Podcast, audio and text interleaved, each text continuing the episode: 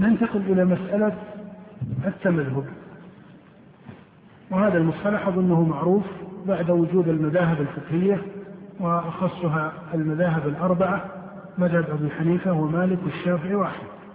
هل التمذهب يصح أو لا يصح؟ هو ترى كقاعدة في الذهن والنظر والمنطق أن كثيرا من الجوابات ينبغي أن تسبق بسؤال في الماهية المقصود الجواب عنها. هل الماهية هل الماهية واحدة أو الماهية منقسمة؟ دائما يستعمل هذا السؤال. هل الماهية المسؤول عنها إيش؟ واحدة أو منقسمة؟ فإن كانت منقسمة انقسم إيش؟ انقسم الجواب. هل التمذهب واحد أم أنه منقسم؟ لا هو منقسم. منقسم من أي معتبر؟ نقول القول في التمذهب يقع في مقامين. وهذا وجه الانقسام القول فيه باعتبار التمذهب من التراتيب العلمية. فيقصد إليه في مقام التعلم والتدريس أو تقول في مقام التدريس والتعلم. التدريس حق الشيخ والتعلم حق الطالب.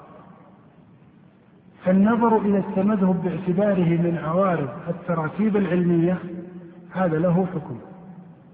والنظر إلى التمذهب على معنى التدين والاستمساك واللزوم لقول معين من أهل العلم وعدم الانفكاك عنه والتعصب له فهذا إيش؟ حكم آخر. إذا دخل باب التدين. وأنه يتعبد أن لا يخرج عن قول أبي حنيفة. أو يتعبد أن لا يخرج عن قول من؟ الشافعي لذات الاستمساك. هذا له كلام. فإذا التمذهب باعتباره من عوارض التراتيب العلمية فيقال هذا حسن سائغ. هذا حسن سائغ. وإن لم يكن لازما على الإطلاق. وإن لم يكن لازما على الإطلاق. ما فائدته؟ يقال فائدته ترتيب المسائل العلمية. فائدته ترتيب المسائل العلمية ومعرفة مبتدأ الأقوال في الكتب ومنتهاها.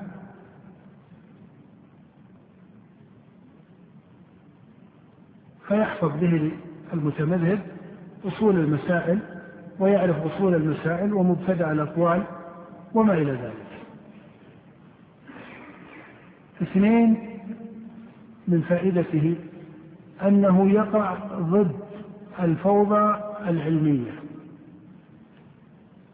أنه ضد الفوضى العلمية ولعله من الحكمة هكذا أن نقول ضد الفوضى وليس ماذا؟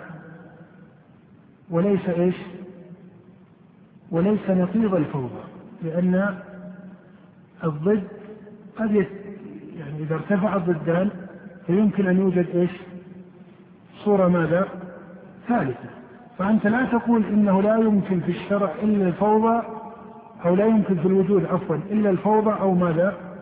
من لم يتمذهب فهو من أهل الفوضى هذا إغلاق هذا إغلاق أولا ما وقع عند السابقين بهذه الصورة ثم حتى بعد ما ظهرت المذاهب الأربعة كان توجد اختصاصات إما اختصاصات بعض أهل الحديث بفقه الحديث والتتبع لفقه المحدثين هذا كان موجودا العناية بفقه المحدثين أو حتى بعض المتمذهبين في كثرة خروجهم أحيانا عن رأي المذهب في بعض المسائل أو الأخذ بخلاف المعروف من المذهب المصطلح. فإذا أن تقول إن من لم يتمذهب فهو من أهل الفوضى هذا إغلاق. لكن أحيانا كثيرة يكون التمذهب بديلا عن ماذا؟ عن الفوضى لكن أنه لا يوجد إلا هو أو إياها هذا ليس كذلك فهذا من فائدته أن كثيرا من أو في كثير من الأحوال تركه يؤدي إلى ماذا؟ في كثير من الأحوال تركه يؤدي إلى إيش؟ إلى الفوضى. أما أنه يلزم من ترك الفوضى فهذا ليس شرطا لازما على الاضطراد معيار الاختيار طيب إذا قلنا أن المذاهب التي اشتهرت هي المذاهب الأربعة وانتشرت وبقيت فابتداء طالب العلم يتمذهب بماذا؟ هل بمذهب الشافعي أو بأحمد أو بمالك أو بأبي حنيفة؟ معيار الاختيار الأصل شرعا وعقلا أن تختار ماذا؟ الإيش؟ لا الأصل في ابتداء الأصل أن تختار الأفضل أليس كذلك؟ والأقرب للسنة والأقرب للصواب إلى آخره هذا متعذر ولما كان متعذرا كان التعليق به وجها من التعصب ما معنى ذلك؟ من يقول إن مذهب الإمام أحمد أو مذهب الحنابلة هو أصح المذاهب كإطلاق هذا ليس كذلك هذا فيه تعصب ومثل من يقول مذهب الحنفية أو مذهب الشافعية أو مذهب المالكية. إذا التفضيل المطلق لمذهب واحد من المذاهب الأربعة على غيره أهو عند التحقيق ممكن؟ الجواب لا. ومن قاله فإنما قاله بوجه من الاجتهاد. من قاله فهو اجتهاد عنده كما أن بعض الحنابلة لما يقدم مذهب الإمام أحمد فإن الشافعية يوجد فيهم من يرجح في الجملة مذهب الشافعي وهلم جرا بل الأصل في المتمذهبين أنهم ما تمذهبوا إلا لكونهم ماذا؟ يرجحون المذهب على غيره. فإذا هل هناك تفضيل مطلق منضبط علميا عند سائر الفقهاء أو كقواعد علمية صريحة منضبطة؟ الجواب لا. هذا غير منضبط. إنما المحققون يعرفون التفضيل في أبواب. مثلا الإمام ابن تيمية من المحققين مع أنه حنبلي يقول وأصول مالك في البيوع والمعاملات أجود من غيره لأنه أخذ فقه ذلك عن أعلم الناس بهذه المسائل في زمنه وهو سعيد ابن المسيب هذا تفصيل في إيش؟ في باب تقول مثلا إذا رجعت إلى من قبل الأئمة الأربعة مثل عطاء يفضلون عطاء في أي الأبواب؟ في المناسك. فقه في المناسك من أجود الفقه. إذا جئت في بعض مسائل إذا جئت مذهب الإمام مالك مثلا في حل المطعوم ولا أجد فيما أوحي إلي محرما على طاعم يطعمه فقه هذه الآية. المذاهب اختلفت فيها. فتجد أن الحنابلة في المشهور من مذهبهم يحرمون ما استخبثته العرب أليس كذلك؟ تجد أن الشافعية يجعلون أو المشهور من مذهب الشافعية يجعلون المناط على الضرر.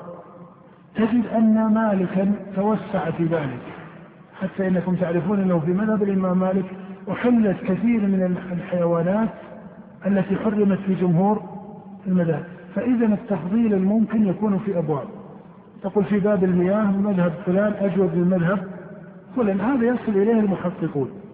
وكما قلت ابن تيمية يستعمل كثيرا من هذا بل حتى من قبل هؤلاء أحيانا يشير أبو عبيد القاسم بن سلام في بعض كلامه مثلا في كتاب الأموال إلى شيء من هذا هذا أمر بين. المهم لما تعذر التفضيل المطلق فإن معيار الاختيار من أخص تقول من أخصه قصد ما عليه أهل البلد قصد ما عليه أهل البلد. فمن نشأ في بيئة الحنبلية فالأولى له أن يتمذهب بمذهب الحنابلة وفي الشافعية كذلك وفي البيئة الحنفية كذلك لمصالح شرعية بينة من أخصها أنه أضبط لعلمه لأن هذا المذهب كتبه منتشرة في هذا المصر الشيوخ الذين يدرسونه موجودون آه، طرق التدريس له فيما بعد لحفظ العلم متاحة آه، أنه إذا أفتى به فإنه لا يفرق العامة ويلبس على العامة. وهكذا درج المتقدمون قبل هذه التمذهبات فكان الإمام مالك رحمه الله مثلا في المدينة كما أسلفت يحرص على فقه المدنيين حتى أنه وصل إلى ماذا؟ أنه قدم عمل أهل المدينة وجعل عمل أهل المدينة في مسائل حجة. فهذا من الفقه الفاضل فهذا من الفقه الفاضل وهي نوع من الاقتداء الحسن. نوع من الاقتداء الحسن وما زال المسلمون عليه. طيب. الثالث حكمه. ما حكم هذا التمذهب كترتيب علمي؟ أن تؤصل. ما معنى كترتيب علمي؟ الترتيب العلمي له وجهان. إذا جاء من عارف فقيه فإن الترتيب بمعنى أنه يفقه أصول المذهب.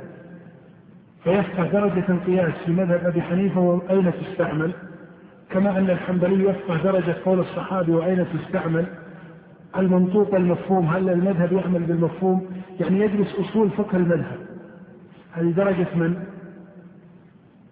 الذي يتمذهب على هذا. مثل تمذهب تقول ابن عبد البر على مذهب الإمام مالك.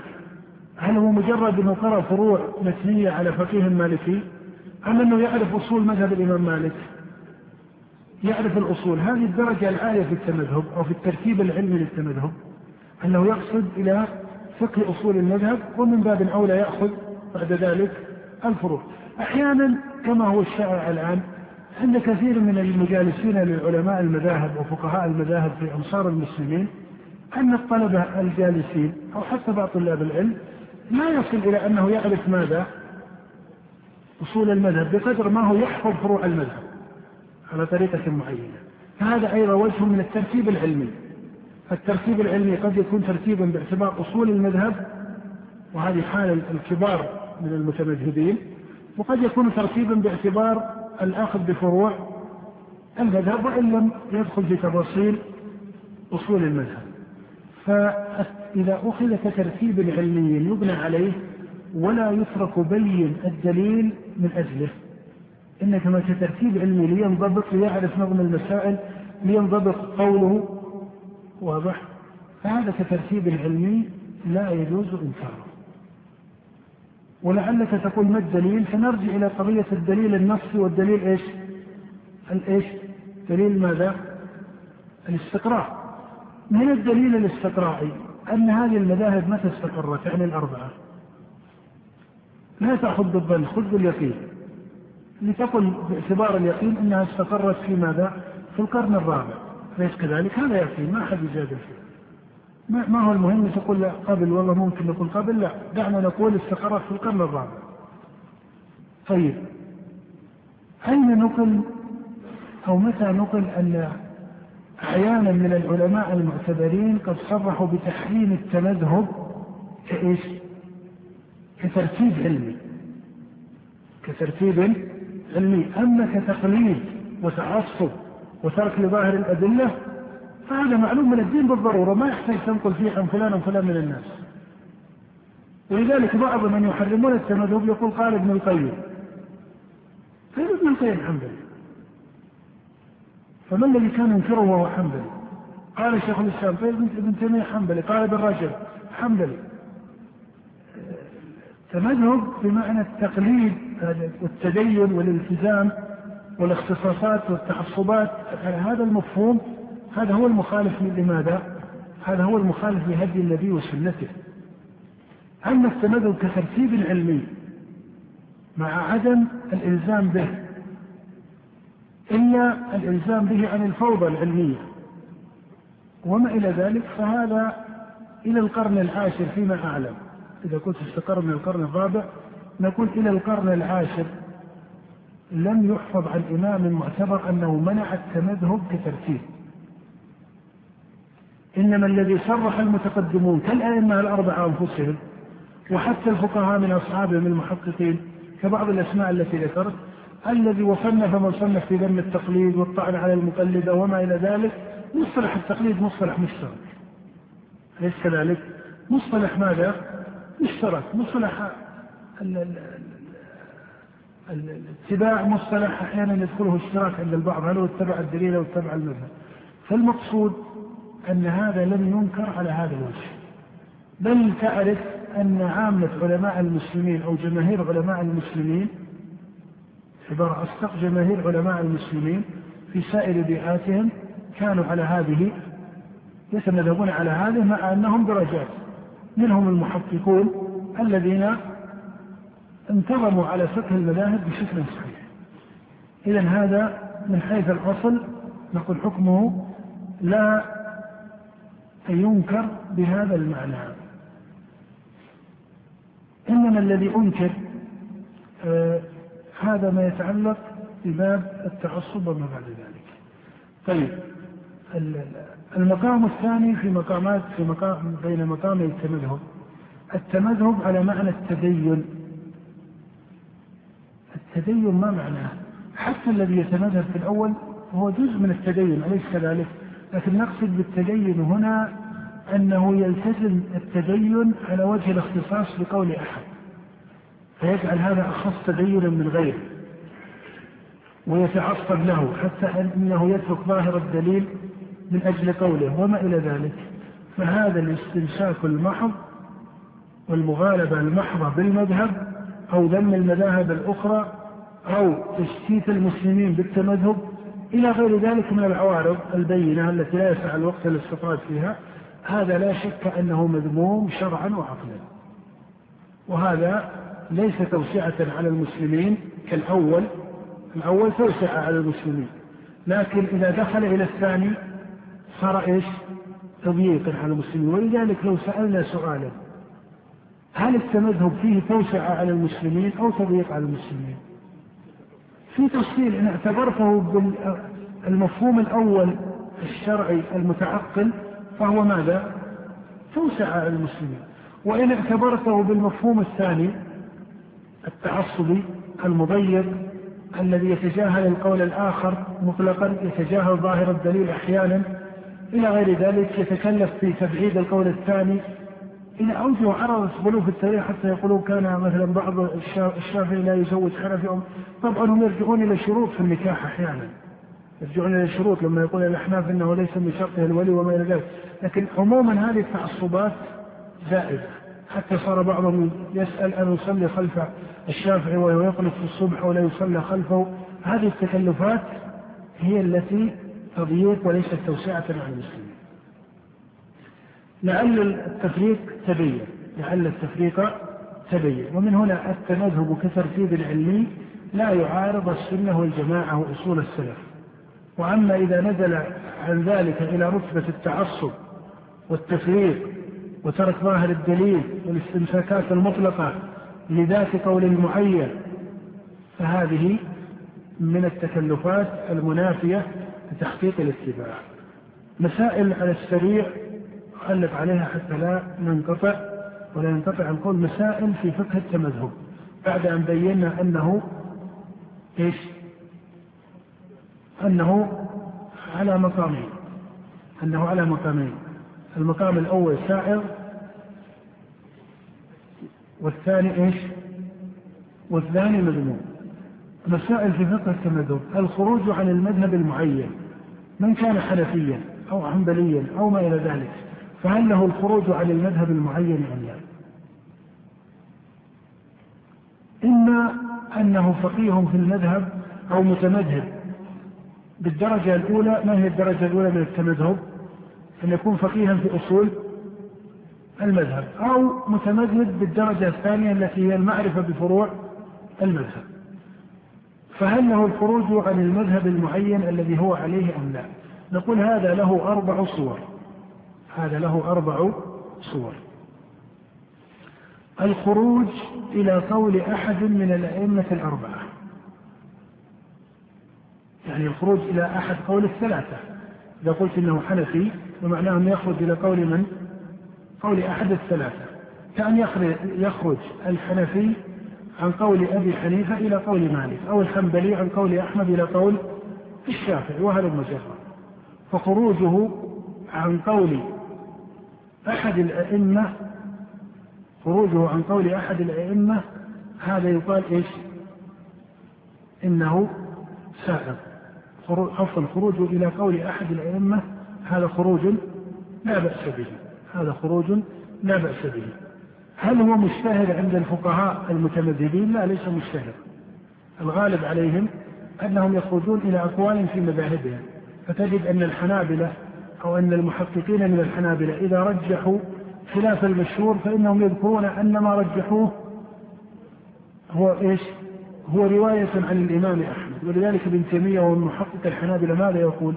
يقول إني تأملت المسائل التي ظاهر المذهب عند الأصحاب يخالف الدليل فإذا جمهورها أو قال بل عامتها يكون فيه عن أحمد رواية توافق ما عليه ظاهر الدليل فهذا من باب الاستجماع أو من باب الجمع في هذا المقام. الخروج عن المذهب المعين إلى قول أحد الأئمة الأربعة.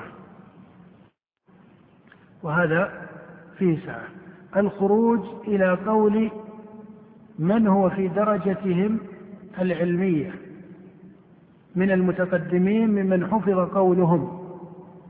الخروج إلى قول إمام من المتقدمين حفظ قوله وهو ليس واحدا من هؤلاء الأربعة كالثوري مثلا أو من قبل هؤلاء كالنخعي مثلا أو أئمة التابعين أو بعض الأقوال المتقدمة. فهل يسوغ الخروج عن قول الأئمة الأربعة إلى قول محفوظ؟ هذا سبق التنبيه عليه لما تكلمنا عن مراتب الخلاف أو عن مراتب القول الفقهي وما يتعلق بمسألة إيش؟ أقوال الجماهير. وما يتعلق بأقوال الجماهير. هنا سؤال. هذه الأقوال المحفوظة في الكتب المسندة لبعض الأئمة السلف فإذا وجدت في مسألة ما أن بعض المتقدمين من, من أئمة السلف ممن هم في طبقة الأئمة أو تقول في درجة بعبارة لأن الطبقة تاريخية لكن تقول في درجة الأئمة الأربعة علما وفقها واستفاضة عند الأمة.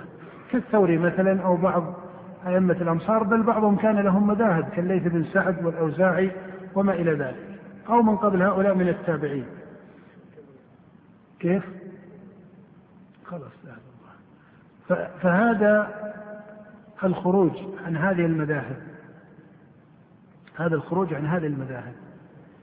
الأربعة إلى هذا القول. هل هو جائز بشرطه أم أنه ممنوع من أصله؟ الجواب هو جائز بشرطه. هو جائز بشرطه. لماذا؟ لأنك إن قلت إنه ممنوع فهنا سؤال. هل الأئمة الأربعة إذا اتفقوا على قول أيكون إجماعا؟ إن قلت إنه إجماع فصار لزوم قولهم من جهة كونه ماذا؟ من جهة كونه إجماعا لا من جهة كونه قول الأئمة الأربعة فتخصيصه بالأئمة الأربعة حقيقته وهم في الذهن هل يقول هل نقول في كل مسائل الإجماع هي قول الأئمة الأربعة؟ الجواب لا هل نقول في كل مسائل الإجماع عفوا في كل أقوال الأئمة الأربعة هي مسائل الإجماع؟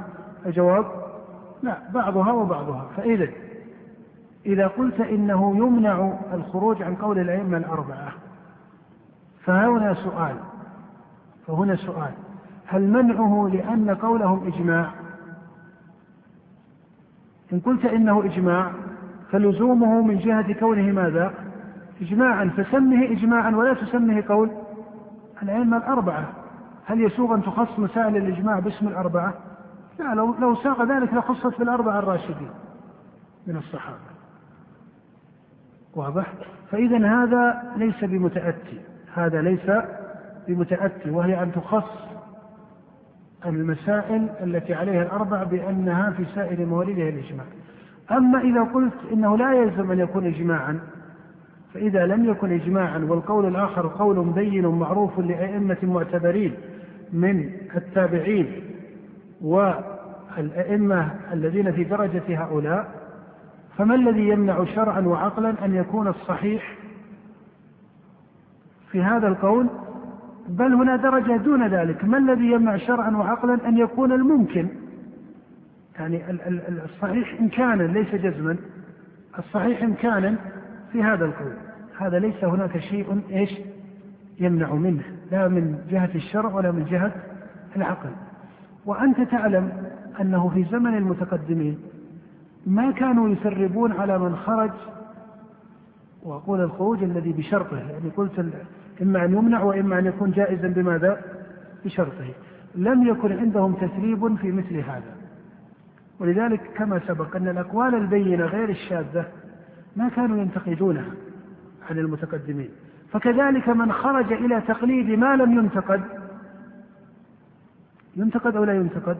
لا ينتقد لأنه لو كان منتقدا لكان أولى بالانتقاد. ذلك إيش؟ المختص.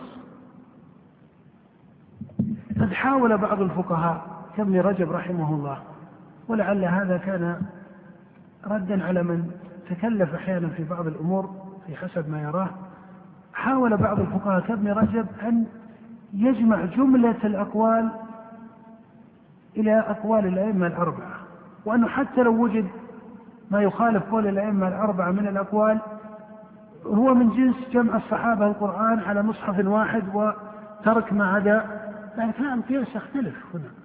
القياس يختلف هنا. هنا في الأقوال الفقهية المسألة مسألة معاني. المسألة مسألة معاني تختلف. فعلى كل حال النتيجة هنا أن الخروج عن أقوال الأئمة الأربعة لقول معتبر وأقول لقول إيش؟ معتبر وليس لقول إيش؟ شاذ. لقول معتبر عليه أئمة من فقهاء التابعين أو الأئمة المتبوعين كالأوزاعي والليث والثوري وما إلى ذلك فهذا جائز شرعا وعقلا. ولا يمنعه إلا من فرض أحد أمرين.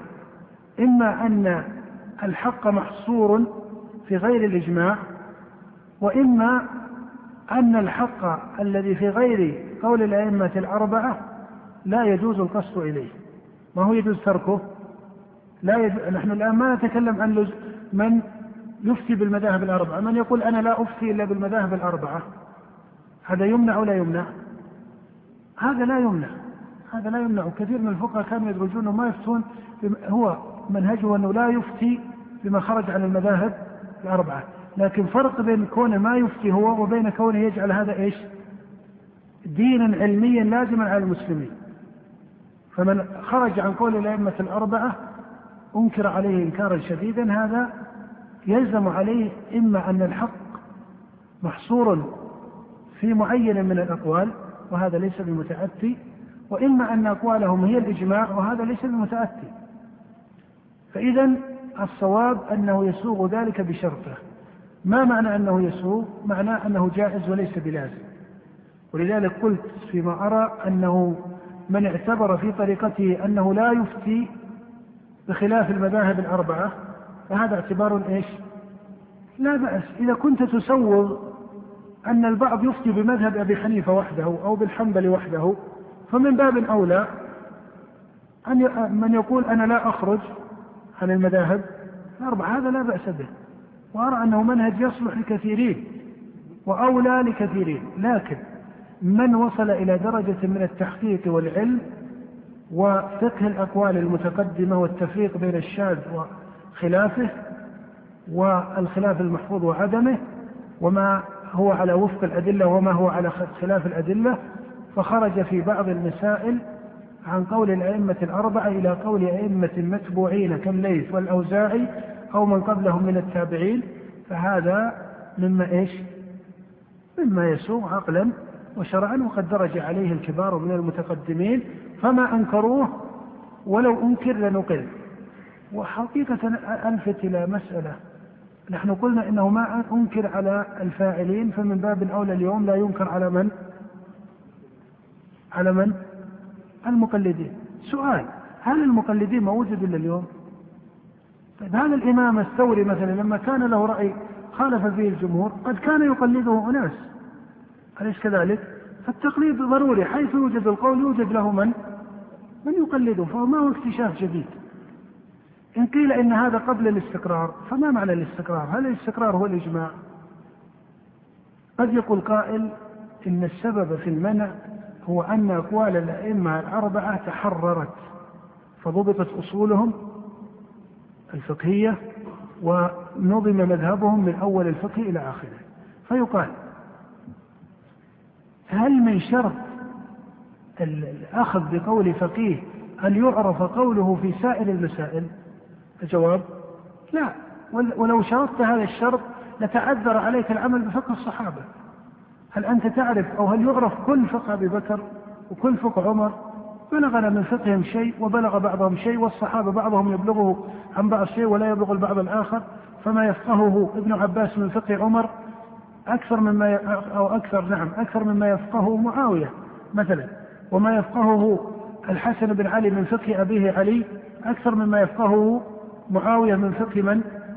من فقه علي فهذا التفاضل موجود ليس من شرطه أن أنك لا تقول إلا بشيء قد انتظم من أوله إلى آخره. ثم هنا سؤال هل الأصول متفق عليها كأصول منضبطة عند الأئمة كتبوها؟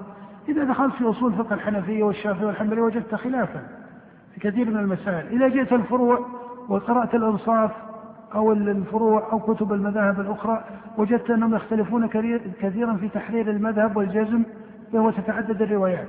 هذا ليس معناه تشكيك في استقرار المذاهب أو وجودها لا هي موجودة لكن القصد أنه لا يلزم ماذا؟ أنك لا تعمل إلا بقول إمام له إيش؟ مذهب متكامل من أوله إلى آخره أصولا وفروعا. هذا الشرط لا أصل له عند السلف. هل له أصل عند السلف؟ لا أصل له عند السلف ولا أصل له حتى عند الخلف كالتزام أو كلزوم فإذا قد يقول قائل إن مذهب الثوري ما ضبط كله. يقول ليس المراد هذا لكن إذا قال الثوري إن بعض جلود السباع طاهرة هذا قول محدد أليس كذلك؟ إذا وافقه ظاهر دليل أليس يجوز العمل به؟ هذه مسألة لما ظهر لابن تيمية مثلا أن طلاق الثلاث واحدة على ظاهر حديث ابن عباس مع أنه خلاف مذهب الأئمة الأربعة ماذا؟ عمل به أو لم يعمل؟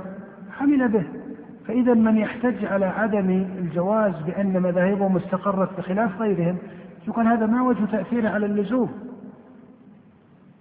هذا ما وجه تأثيره على اللزوم. لأننا نتكلم عن مسائل إيش؟ معينة أو عن مذاهب مضطردة. الخروج بمذهب معين أو مذهب مضطرد. عفوا الخروج بقول معين أو بمذهب مضطرد. يعني لو جاء شخص وقال أنا على مذهب الثوري وأصول الثوري وفروع الثوري هذا يمكن يرد عليه السؤال. يعني تحرر مذهب للثوري أولا متكامل. هؤلاء هدمت مذاهبهم لكن من يخرج في أحد من المسائل فهذا يلزم عليه هذا السؤال أو لا يلزم؟ لا يلزم هذا السؤال لا شرعا ولا عقلا. كما قلت إن عدم اللزوم لا يعني منع من يقول لا أخرج عن المذاهب الأربعة. ابن رجب كان عنده منهج إنه لا يخرج عن المذاهب الأربعة. فمنهجه إلى هذه الدرجة إلى هذه الدرجة صحيح. ابن تيمية لم يكن عنده هذا الالتزام. كان يرى أنه يمكن الخروج عن المذاهب الأربعة في أحد من المسائل. قلنا يجوز بشرطه ما شرطه؟ أنه لا يتخوض فيه إلا ماذا؟ لا يتخوض فيه المبتدئ بل هو قدر للعارف الفقيه. قدر للعارف الفقيه. الثالثة من الصور أليس كذلك؟ الثالثة من الصور الخروج إلى قول غير الأئمة الأربعة ولكنه قول متأخر ولكنه قول متأخر. ولكنه قول متأخر. ذكره بعض المتأخرين من الحنفية وبعض المتأخرين خلافا لمذهب جمهورهم أو ذكره بعض المتأخرين من الظاهرية أو ما إلى ذلك أو بعض أصحاب الحديث فإذا كان القول متأخرا أي جاء في القرون المتأخرة ولم يعرف هذا القول عند أحد من المتقدمين لا الأئمة الأربعة ولا غيرهم فهذا الأصل منعه. فهذا الأصل منعه. الرابع الخروج إلى قول تفقه به الناظر وهذا يعرض لمن يشتغل بالحديث. أحيانا. يعرض لمن يشتغل بالحديث أحيانا أنه هو متأخر جاء في هذا القرن مثلا أو قرن مقارب فربما رأى رأيا من ظاهر دليل عنده من السنة وهذا الرأي لا يوجد قائل به من المتقدمين لا الأربعة ولا غيرهم. فإن قلت به من قال به من المتقدمين قال لا أعلم ولكن هذا ما ظهر لي. فرق بين لا أعلم بمعنى أنه موجود لكن ما استطاع أن يحدد لكن بالقطع مثل بعض المسائل المشهورة أن فيها قول وبين لا أعلم بمعنى أنه فعلا ما هناك طريقة للوصول إلى أحد. فإذا نظرت في كتب المتقدمين وجدت أنهم لا يذكرون هذا القول أصلا وكأن الإجماع على خلافه فهذا القول الذي تفقه به الناظر هذا لا يصح. وهذا يعرض أحيانا لبعض طلبة العلم المشتغلين بالحديث أنهم يذهبون إلى آراء ما قال بها أحد من المتقدمين فإن قلت له في ذلك قال هذا ظاهر السنة.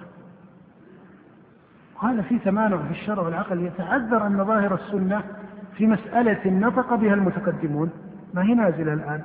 في مسألة نطق بها المتقدمون واشتهر الخلاف بينهم. ومع ذلك يذكرون أربعة أقوال لا يذكرون بينها ما وصلت إليه أنه هو ظاهر السنة. فإذا اتفق الخروج إلى قول المتفقه نفسه المتأخر بنظره الخاص ولم يسبقه إلى ذلك إمام فهذا أيضا يمنع. وإذا اعتبرت بعض التفصيل في هذه المسألة حتى يتبين وجهها فإنه يقال إن الخروج عن مذاهب الأئمة الأربعة إلى قول إمام أو إلى قول محفوظ عن متقدمين من الأئمة. بهذا القيد. فإن هذا فيه ثلاث طرق للمتأخرين. فمنهم من يرى لزوم الخروج عن مذاهب الأئمة الأربعة إذا عرض ظاهر دليل يقتضي المخالفة وهذا الذي عرض به ظاهر الدليل قول معروف أو قول ثابت عن متقدم. وهذه الطريقة عن اللزوم لزوم الخروج إذا اقتضى ظاهر الدليل إيش؟ الخروج. وفي المسألة قول محفوظ. ومن أخص من ينتصر لذلك أبو محمد بن حزم. بل إنه ربما خرج إلى ما هو أوسع من ذلك أحيانا. فإن ابن حزم يرى لزوم الخروج عن المذاهب من حيث الأصل قد يقول البعض أنه لا يعتبر أصلا المذاهب لا هذا الكلام ترى ليس على إطلاقه.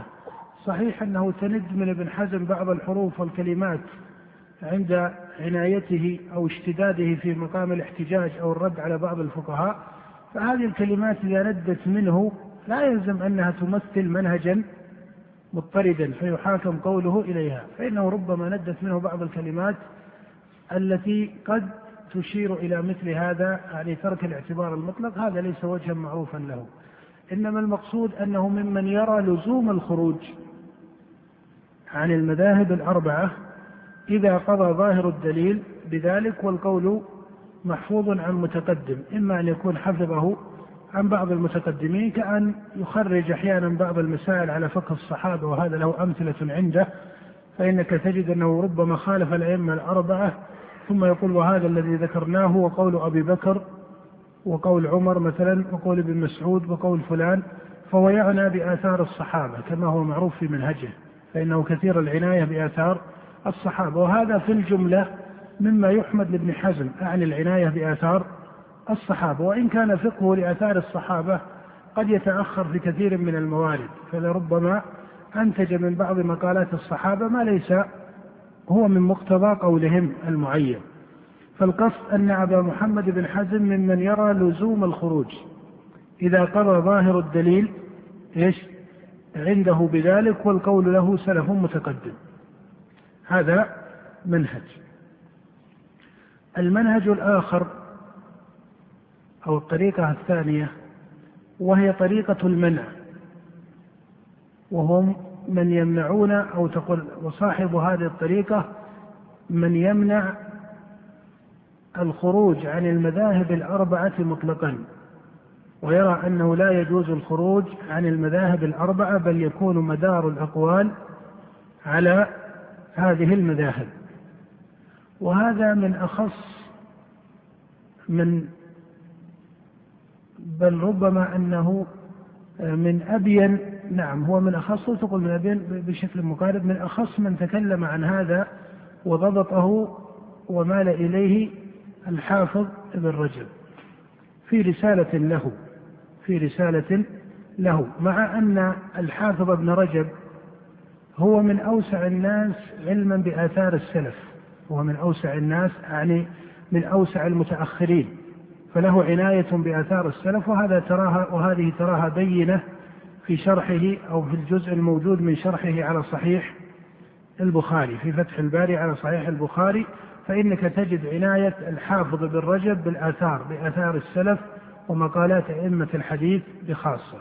فهو كثير العناية كثير الفطنة كثير الضبط لمثل ذلك. ولكن له كلاما في بعض رسائله أكد فيه هذا المعنى وهو منع الخروج عن المذاهب الأربعة في القول الفقهي. فهذان الرجلان أعني أبا محمد بن حزم كصاحب طريقة الإلزام أو الإمام أو الحافظ تقول ابن رجب كصاحب طريقة المنع. كلاهما من المحققين في المتأخرين. وإن كان ابن رجب أجود منهجا لأنه اعتبر منهج الإمام أحمد عند محقق أصحابه. أقول لأنه اعتبر منهج الإمام أحمد على طريقة المحققين فضلا عن عنايته بالآثار. أما أبو محمد بن حزم فهو وإن كان حسن العلم أو كبير العلم حسن الفقه وإن كان كبير العلم حسن الفقه إلا أنك تعرف أنه انتحل مذهب الظاهرية ومذهب الظاهرية يتأخر في الرتبة عن مذهب أئمة الفقهاء كأحمد والشافعي وأمثالهما. ولكن مع ذلك فإن هذين يعني أبا محمد بن حزم وابن رجب هما من أكثر, من أكثر المتأخرين علما وتحقيقا وإن كان هذا له طريقة وهذا له طريقة. لكن تجد أن هذا يعني أبا محمد بن حزم واسع العلم بالآثار بآثار النبي صلى الله عليه وسلم وبآثار الصحابة وبمقالات الفقهاء. آه، كثير العناية بالأخذ بالسنة والهدي. كذلك الحافظ بن رجب واسع العلم بالآثار فهما من الأئمة الكبار في المتأخرين. ولشيخ الإسلام ثناء بين كبير على أبي محمد بن حزم حتى إنه قال إنه إذا كان في المسألة نزاع والراجح فيها مرتبط بصحة الحديث أو بورود الحديث فإن القول الذي يذهب إليه ابن حزم في الجملة أو في كثير من الموارد قال قال في كثير من الموارد يكون هو الصواب فهو أثنى كثيرا على ابن حزم وابن حزم واسع العلم ولذلك نقول إنه مع أنه عنده هذه النظرية وكما أن ابن رجب عنده هذه النظرية فهذا لا يعني تأخرا في فقههما بل إنه يقال إن طالب العلم لا ينبغي له أن يستغني عن كتب ابن حزم وكتب ابن رجب فهي من أجود كتب المتأخرين فهي من أجود كتب المتأخرين وإن كانت كتب ابن حزم ينبغي ألا يبتدئ فيها وإنما يستعمل النظر فيها بعد أن تتبين له أصول العلوم أصول القواعد العلمية. أما كتب ابن رجب فإنها أقرب إلى التأصيل أقرب إلى التأصيل. هذا منهج وهذا منهج. وهذا المنهج يعني منهج ابن حزم يتابعه عليه جماعة ولا سيما ممن جاء في العصور المتأخرة أو في القرون المتأخرة من أصحاب الحديث. فإن بعضهم يستعملون هذه الطريقة يستعملون هذه الطريقة وهذا بين في طريقة بعض شيوخ الحديث المتأخرين. الطريقة الثانية وهي طريقة ابن رجب ويستعملها كثير من الفقهاء وبعض المعاصرين يميلون إلى هذه الطريقة أو يصححونها أو يرجحونها. قبل أن أنتقل إلى الثالث أو الرأي الثالث أو الطريقة الثالثة التي ذكرناها أنبه إلى أن طريقة ابن حزم بالإلزام أو الطريقة بالمنع هي في حقيقتها تدور على أشخاص وليست رأيا عاما وإلا فإن من يريد أن يؤصل الأمور ببعض أوجه التأصيل الممكنة ببعض أوجه التأصيل الممكنة. ربما تطرق إلى ذهنه نتيجة أن الإلزام بالخروج هو مذهب العامة من أهل العلم لأنه خروج إلى إيش؟ إلى ماذا؟ إلى الدليل. وكذلك من يمنع وكذلك من يمنع. ربما تحصل له بطريقة في نظره أن المنع هو مذهب من الجمهور من الفقهاء حتى إنه ربما قال إنه إنهم أنكروا على فلان من أهل العلم كيف خرج عن المذاهب في مسألة كذا أو ما إلى ذلك. فأقول هذا لا ينبغي الاندفاع فيه.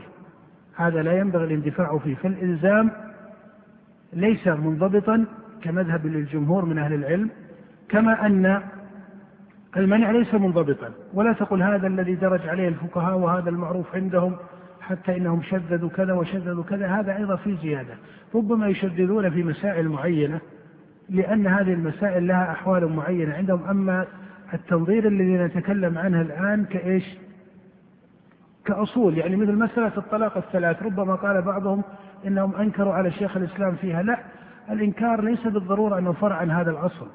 يعني بعض من تكلم في هذه المسألة يعني مسألة الطلاق الثلاث ماذا قال؟ قال اعلم وهذا يذكره ابن رجب ابن رجب يقول اعلم أنه لم يصح عن أحد من الصحابة ولا التابعين ولا الأئمة المتبوعين أنه جعل طلاق الثلاث إيش؟ واحدة فهو يرى أن هذا القول ماذا؟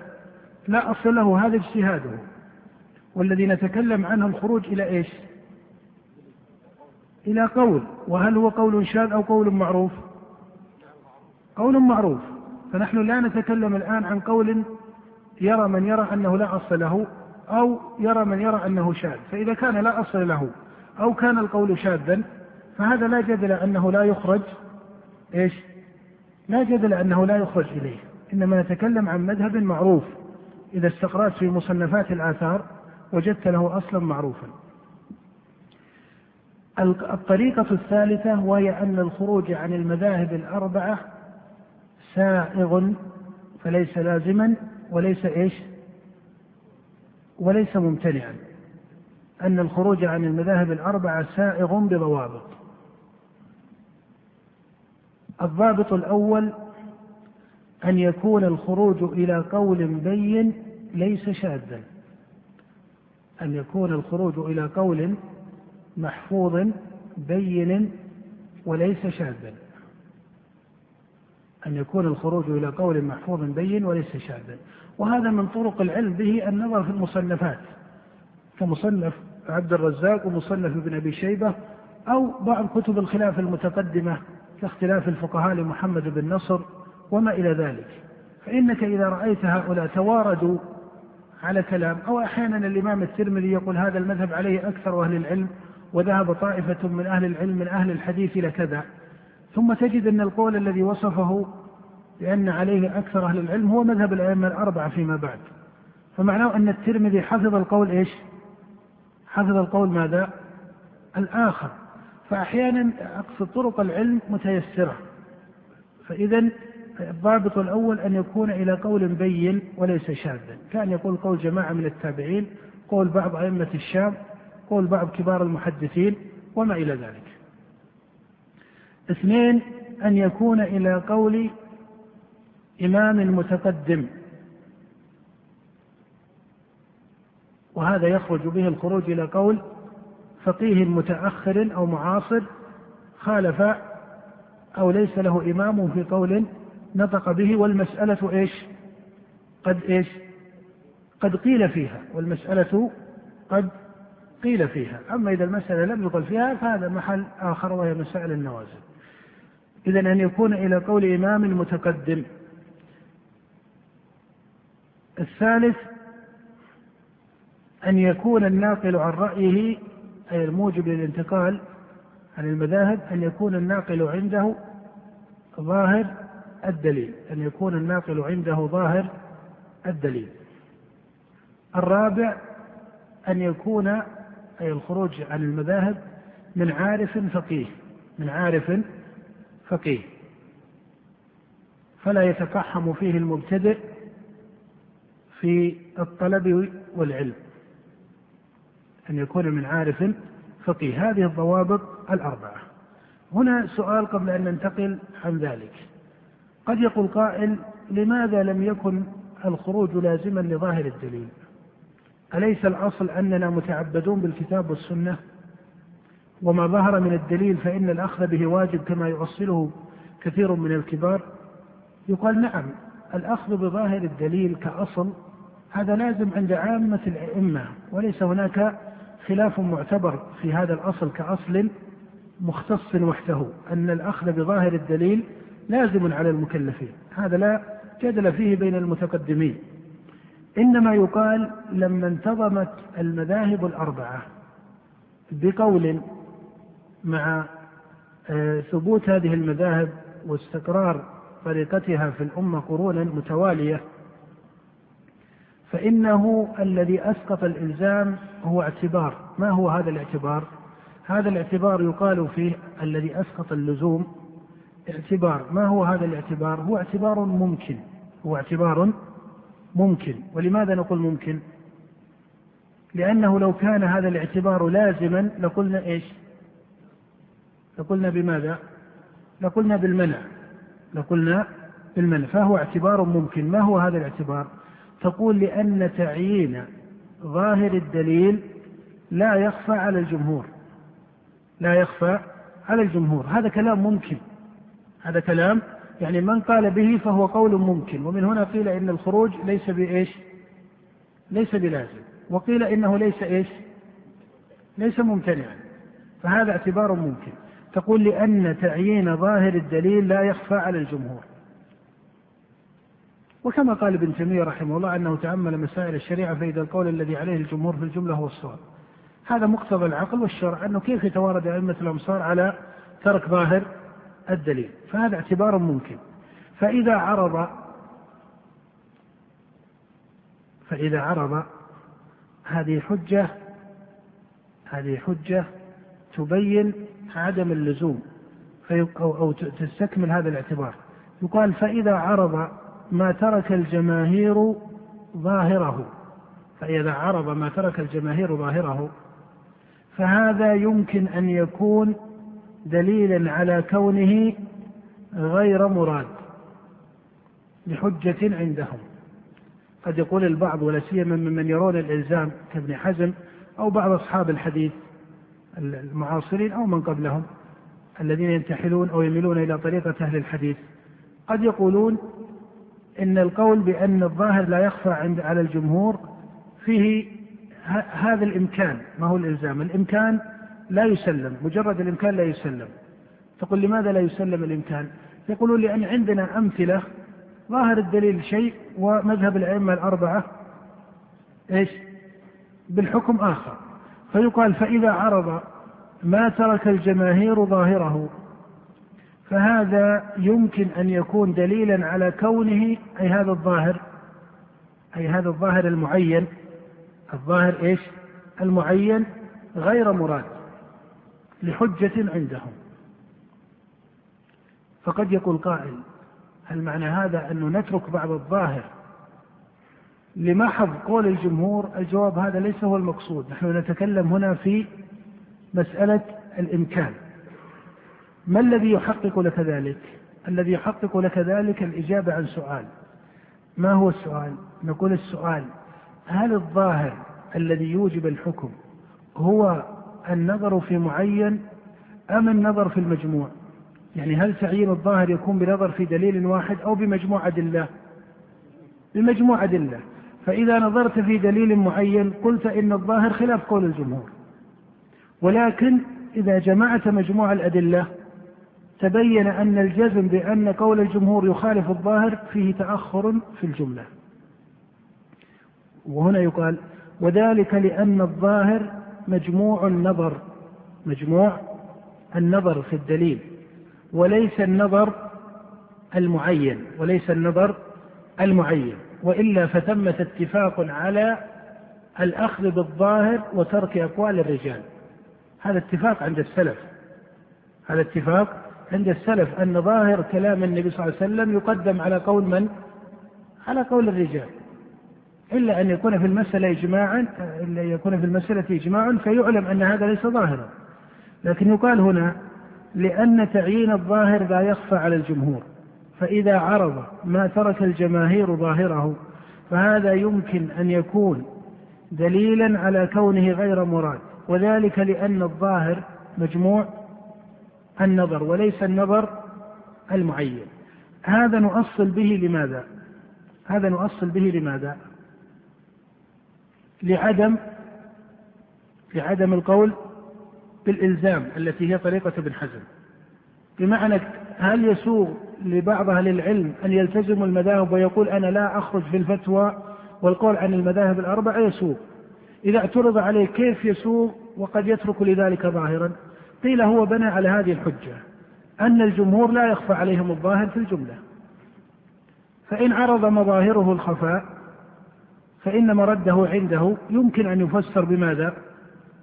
يمكن أن يفسر بأن هذا الظاهر ليس مرادا. لماذا؟ لأن الظاهر مجموع النظر وليس النظر المعين. وهذا منهج لا أقول إنه لازم ولكن أقول إنه منهج إيش؟ ممكن. هذا منهج ممكن. ومن مثاله أن النبي في حديث ابن عباس كما في الصحيحين قال, قال ابن عباس جمع رسول الله صلى الله عليه وسلم بين الظهر والعصر والمغرب والعشاء من غير خوف ولا مطر. فربما قال ناظر إن ظاهر الحديث جواز الجمع بدون عذر. أليس كذلك؟ وهذا حديث متفق على صحته.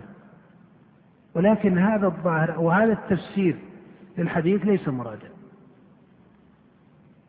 ولذلك الترمذي لما صنف الجامع قال إن فيه أحاديث ترك العلماء العمل بها وذكر منها حديث الجمع وحديث شارب الخمر أنه في الرابعة ماذا؟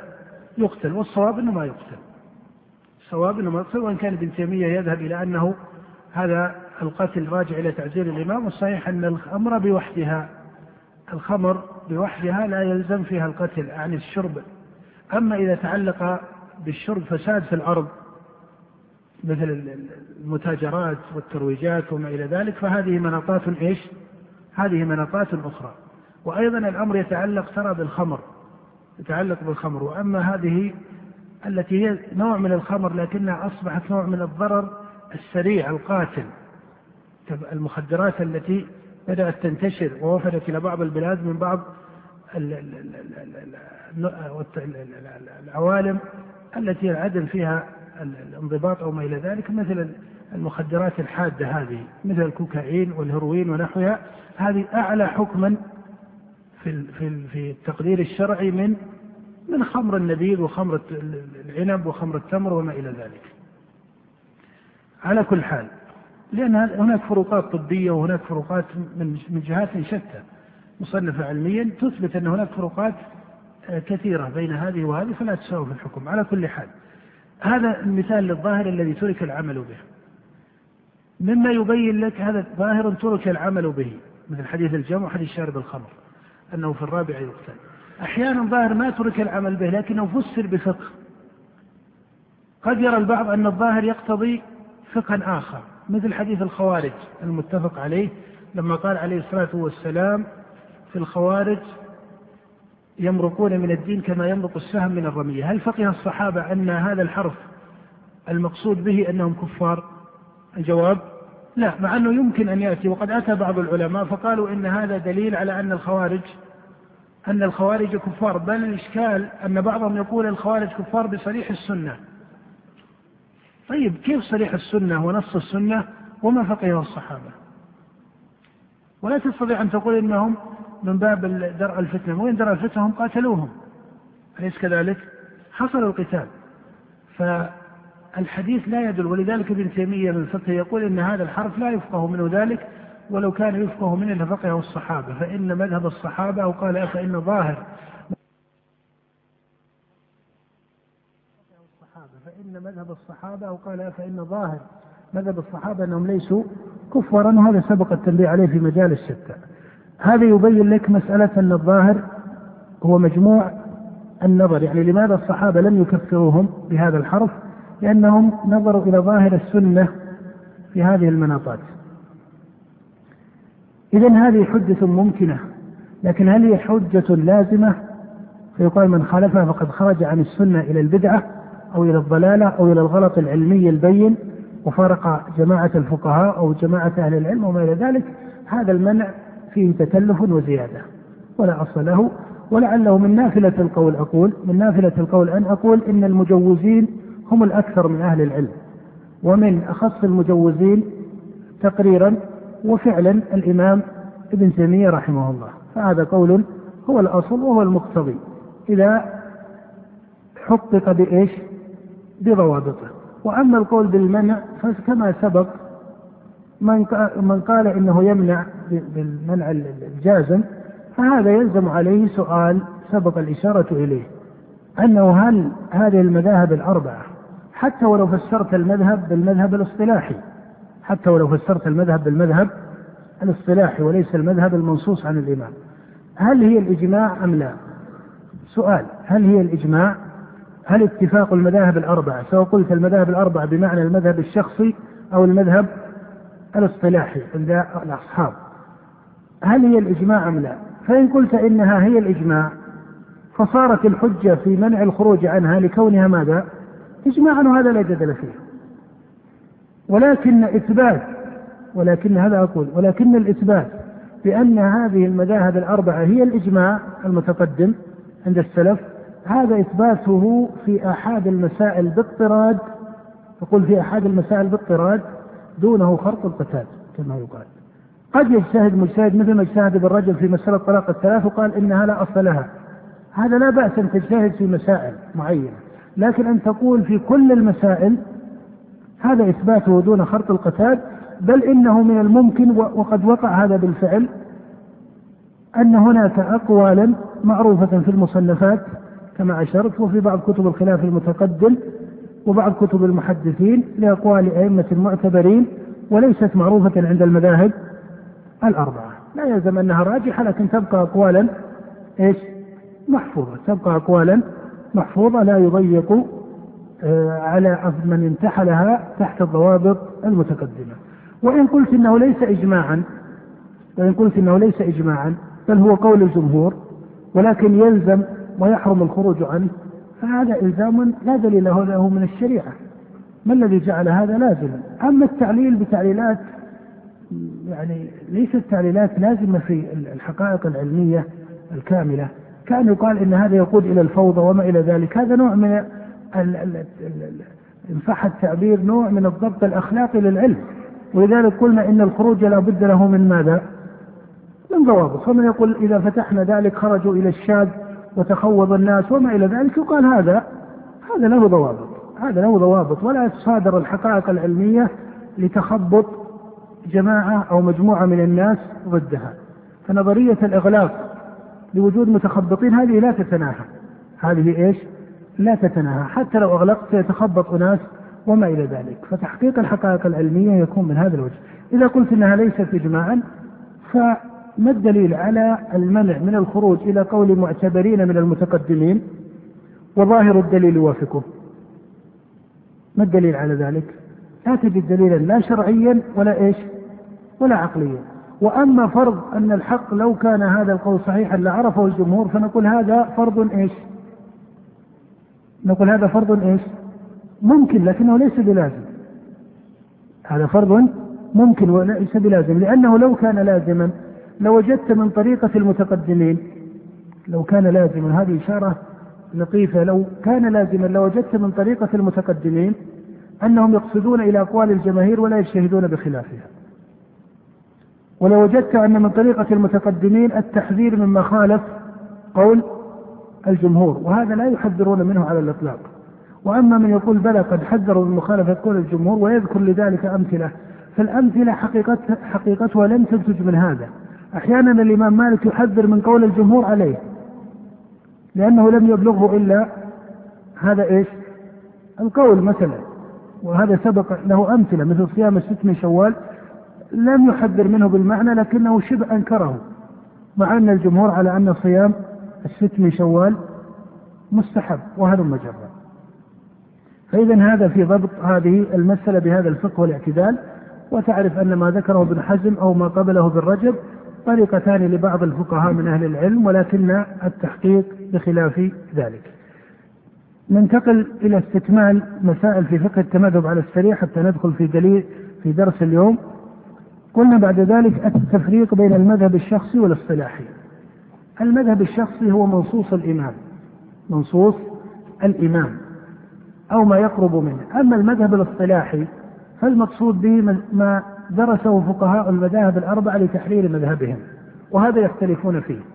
وبطبيعة الحال أن المذهب الشخصي أن المذهب الشخصي قد يكون من جهة أوسع كاختلاف الرواية عن الإمام أحمد بثلاث روايات كلها محفوظة كلها محفوظة مع أنك تجد أن المذهب الاصطلاحي معتبر بواحدة فمن هذا الوجه كان المذهب الشخصي إيش؟ أوسع أو أضيق أوسع. وباعتبار آخر تجد أن المذهب الشخصي يكون أضيق من المذهب الإصطلاحي كتكميل المسألة وتكميل دليلها وذكر الضوابط عليها وما إلى ذلك فهذا يحصله الأصحاب تارة بالتخريج على أصول الإمام تارة بالتخريج على فروعه وهلم جرا المهم أن أشير إلى أن ثمة فرقا بين المذهب الإصطلاحي والمذهب الشخصي. علاقة التمذهب بالآراء العقدية هذا مما ينبه إليه طلبة العلم. ولا سيما إذا قرأوا في بعض الأبواب كباب أحكام المرتدين أو بعض مسائل المتعلقة بالأصول أو بالعقائد من بعض الجهات كمسألة الزيارة لقبر النبي صلى الله عليه وسلم. فمسألة الزيارة لها طرف فقهي لها طرف فقهي. مثل الزيارة للرجال أو للنساء هل النساء تزور القبور ولا تزور؟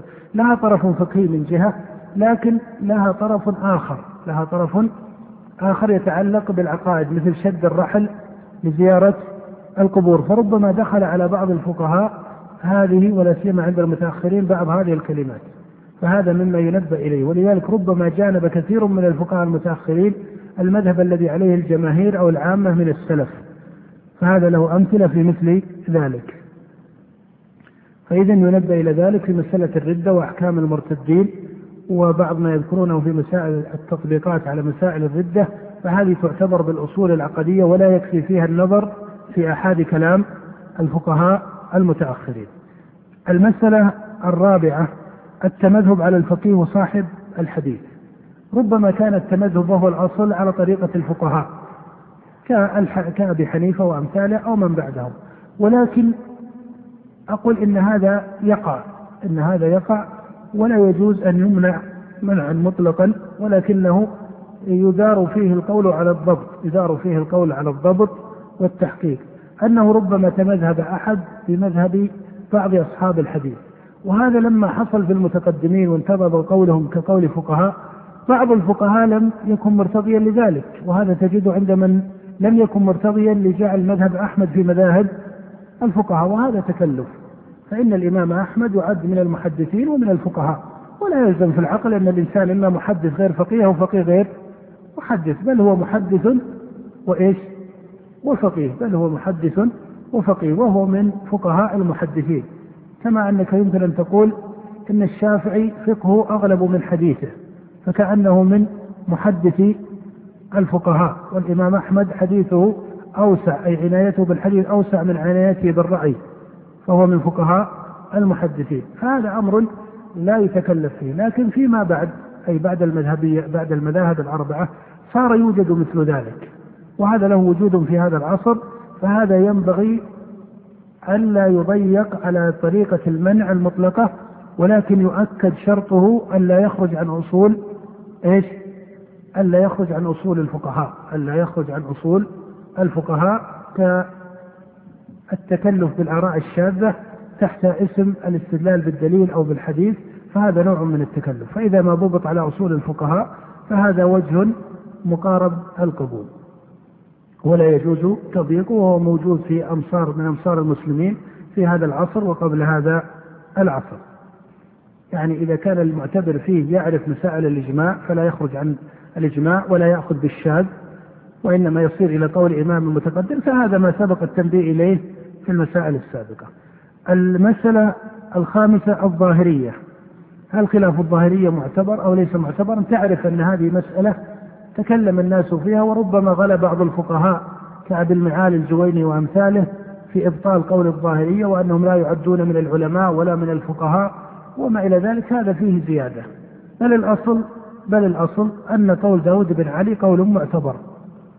وأما أحاد مقالات الظاهرية فهل هي خلاف معتبر أو ليس معتبرا؟ فهذا كل مسألة من حيث الآحاد ينظر في مورد الإجماع المتقدم وعلاقة هذه المسألة بالإجماع المتقدم. فإذا انفرد ابن حزم ببعض الرأي الذي ليس له فيه سلف فينبغي أو هنا يمكن أن يقال إنه لا يعتبر قوله. وأما إذا كان قول الظاهرية على أصل معروف عند المتقدمين أو قول معروف عند المتقدمين فهذا لا يسوغ إنكاره. والأئمة المتقدمون لم ينكروا جميع فقه داود. الأئمة المتقدمون لم ينكروا جميع فقه داود إنما أخذوا عليه. وإن كانوا أخذوا عليه فقد أخذوا على غيره. ألم يأخذوا على أهل الرأي؟ أخذوا على أهل الرأي كثيرا. بل إن الإمام أحمد أخذ على بعض كلام إسحاق بن إبراهيم. مع أن إسحاق بن إبراهيم من أقرب الناس إلى طريقة الإمام وتقول الإمام أحمد من أقرب الناس إلى طريقة إسحاق ومع ذلك قال إنا نترك بعض الرأي من كلام إسحاق بل إن أبا عبيد ربما أثنى على بعض هذه الأقوال بشيء أكثر من ذلك يعني هذه الأقوال التي لمها من ذمها فالقصد أنه لا يوجد عند المتقدمين إطباق على ترك فقه من داود بن علي. فما تفرع عن الأصول المعتبرة التي لا تخالف الإجماع ولا الأصول فهو يمكن وما كان شاذا أو خالف الإجماع ترك. هل الأمة بحاجة إلى التمذهب أم لا؟ يقال بالمفهوم الأول نعم وبالمفهوم الثاني لا ما المفهوم الأول؟ على كونه من باب التراتيب العلمية فهذا يحفظ المسلمين ويحفظ أمصار المسلمين وعوام المسلمين من الاضطراب فإن الناس إذا انتظم لهم مذهب وصار فقهاؤهم وشيوخهم يفتون به انفك العوام عن الاضطراب هذا يحلل له وهذا يحرم ويتخوض في العلم من يحسنه ومن لا يحسنه فهو من هذا الوجه فيه مصلحة. وأما إذا فسر التمذهب بالتدين والتعصب وما إلى ذلك وترك العناية بالسنن والآثار والأخذ بالسنة وما إلى ذلك فهذا لا شك أنه المسلمون لا يحتاجونه لأن المسلمين يحتاجون إلى سنة نبيهم وإلى وليس إلى رأي فقيه بعينه. وتقول وليس لا تقول إلى آراء الفقهاء حتى لا تجعل تقابلا بين السنة وآراء الفقهاء وإنما تقول وليس إلى رأي فقيه بعينه فإذا كان تعصبا فهو مذموم. قال المؤلف عليه رحمة الله تبارك وتعالى ونفعنا الله بعلمه وبعلم شيخنا في الدارين آمين. ثم هي منقسمة إلى ما دلالته قطعية كأن يكون قطعي السند والمتن وهو ما تيقنا أن رسول الله صلى الله عليه وسلم قاله وتيقنا أنه أراد به تلك الصورة. وإلى ما دلالته ظاهرة غير قطعية. فأما الأول فيجب اعتقاد موجبه علما وعملا وهذا مما لا خلاف فيه بين العلماء في الجملة. نعم. وإنما قد يختلفون في بعض الأخبار هل هو قطعي السند أو ليس بقطعي وهل هو قطعي الدلالة أو ليس بقطعي. مثل اختلافهم في خبر الواحد الذي تلقته الأمة بالقبول والتصديق أو الذي اتفقت على العمل به فعند عامة الفقهاء وأكثر المتكلمين أنه يفيد العلم وذهب طوائف من المتكلمين أنه لا يفيده. نعم الحمد لله رب العالمين وصلى الله وسلم على نبينا محمد وآله وأصحابه أجمعين. هذا السياق الذي ابتدأنا بقراءته هو من إشارة المصنف إلى مسألة الدليل وانقسامه أو تقول وتنوع مورده في سياق النصوص وفي فقه الدلالة. القول في فقه الدليل من جهة من جهتين من جهة ماهيته ومن جهة تفسيره. القول في فقه الدليل من جهة ماهيته ومن جهة تفسيره. وهذا عرض الإشارة به. هذا عرض الإشارة به في أول المجلس لما تكلم عن الدليل وعن الدلالة والمستدل وما إلى ذلك. تقول الدليل من حيث الماهية ومن حيث التفسير. أما من حيث الماهية ماهية الدليل وهذه ترى من أهم المسائل لطالب العلم فيقال الدليل ال- الذي يحصل به الحكم أو ينتج به الحكم. أنت تعرف أن الأصوليين لما يحدون الدليل يقولون ما يمكن التوصل بصحيح النظر فيه إلى مطلوب خبري مثلا. هذا من الحدود الأصولية. فالمقصود أن نقول هنا في ماهية الدليل وليس في حده الأصولي المعين. فيقال الدليل في منهج المتقدمين والمحققين من المتأخرين. لأنه لا ينبغي الفصل المطلق بين المتقدمين وبين ماذا؟ المتأخرين. وكأن المتأخرين انقلبوا انقلابا كليا على المتقدمين. بل بقي في المتأخرين ماذا؟ بقي فيه المحققون لا يعني أنهم محققون أنهم يصيرون إلى درجة المتقدمين. فأنت تقول ابن عبد البر من المحققين أو ابن تيمية أو مثلا المزي مثلا في الشافعية أو فلان أو فلان. لا يعني أنهم صاروا كدرجة أئمتهم لكنهم محققون في هذا الباب. فيقال المنهج الذي عليه المتقدمون والمحققون من المتأخرين أن الدليل وجهان. أن الدليل وجهان. أحدها الدليل اللفظي المعين. الدليل اللفظي المعين وهو ما يقضي بالحكم على المسألة. إذا نظرت فيه إذا دخل أحدكم المسجد فلا يجلس حتى يصلي ركعتين فهذا قضى بحكم هذه المسألة المعينة. وهلم جرا. وهلم جرا. اثنين الدليل الاستقرائي. الدليل الاستقرائي. ومن خاصيته يعني الدليل الاستقرائي أنه مركب. ومن خاصيته أنه مركب. وما هو؟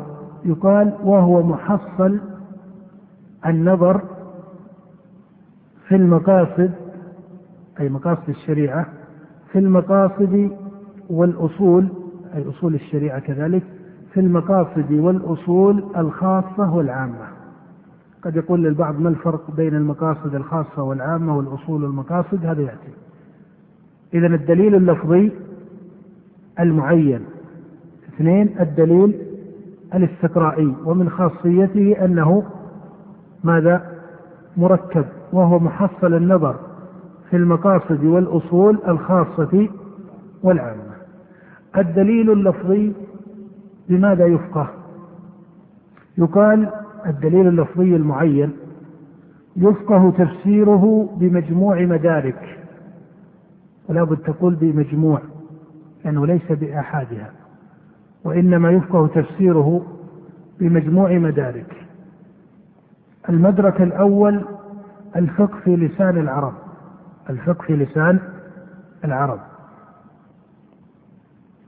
وبخاصة أي مما ينبه إليه في هذا المدرك الاعتبار أو الاعتبار بالسياق وليس بمجرد اللفظ المفرد.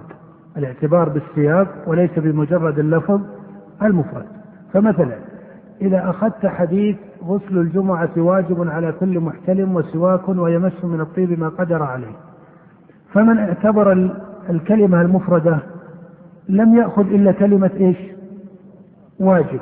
لكن من اعتبر السياق فقرأ الحديث من حيث هو من حيث هو السياق الآن ما دخلنا في مسألة مقاصد الشريعة.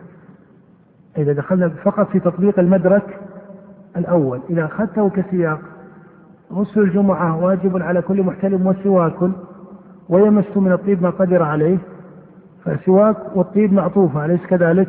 التقدير والسواك واجب على كل محتلم عرفت بذكر السياق أو بذكر السياق للسواك والطيب أن الوجوب هنا ليس المقصود به ماذا؟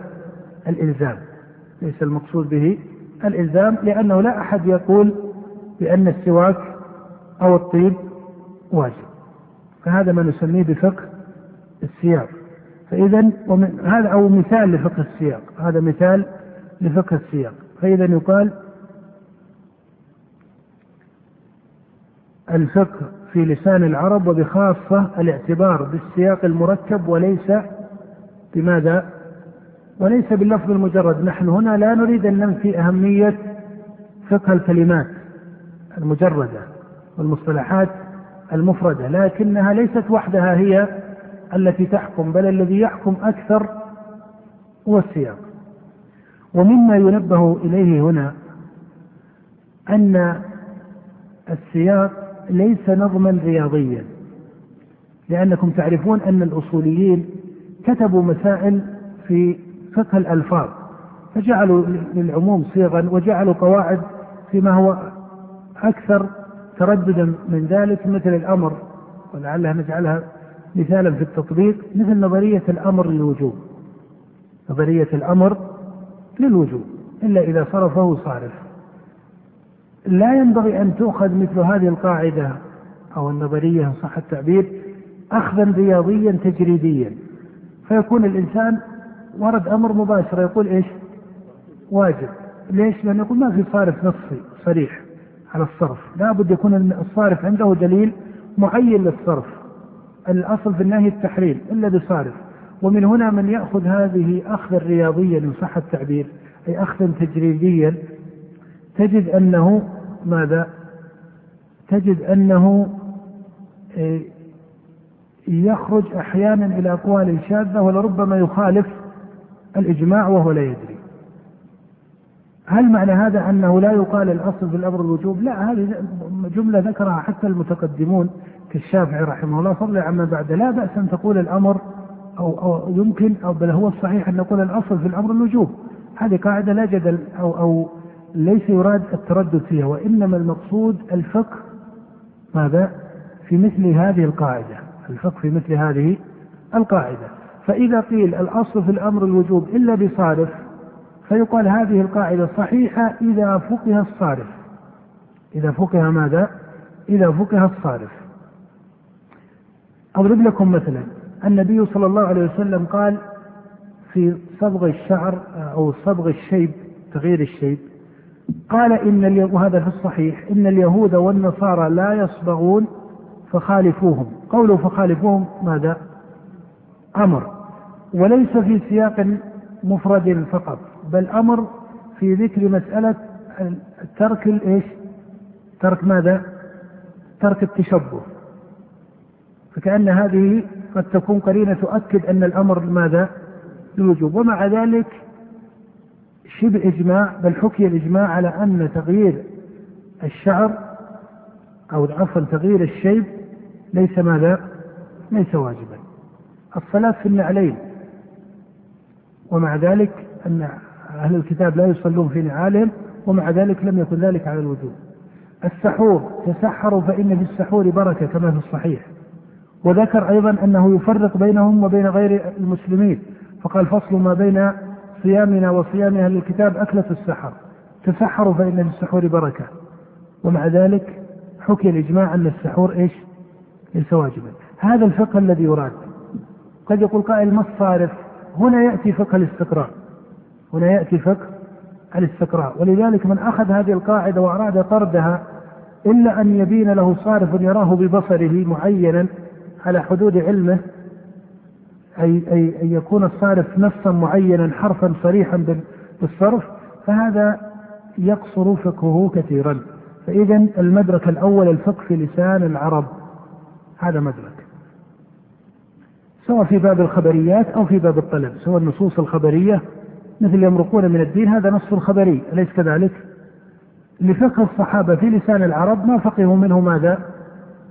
التكفير ما فقهوا منه التكفير والعرب تعبر بمثل هذه العبارات ليس كهذا اللفظ لكن تعبر بمثل أنواع من هذه السياقات المغلظة لوجه ما ولذلك لما فسد الذوق في فقه لسان العرب حصل الضلال في مسائل في بعض مسائل أصول الدين. طيب اثنين الفقه في المقاصد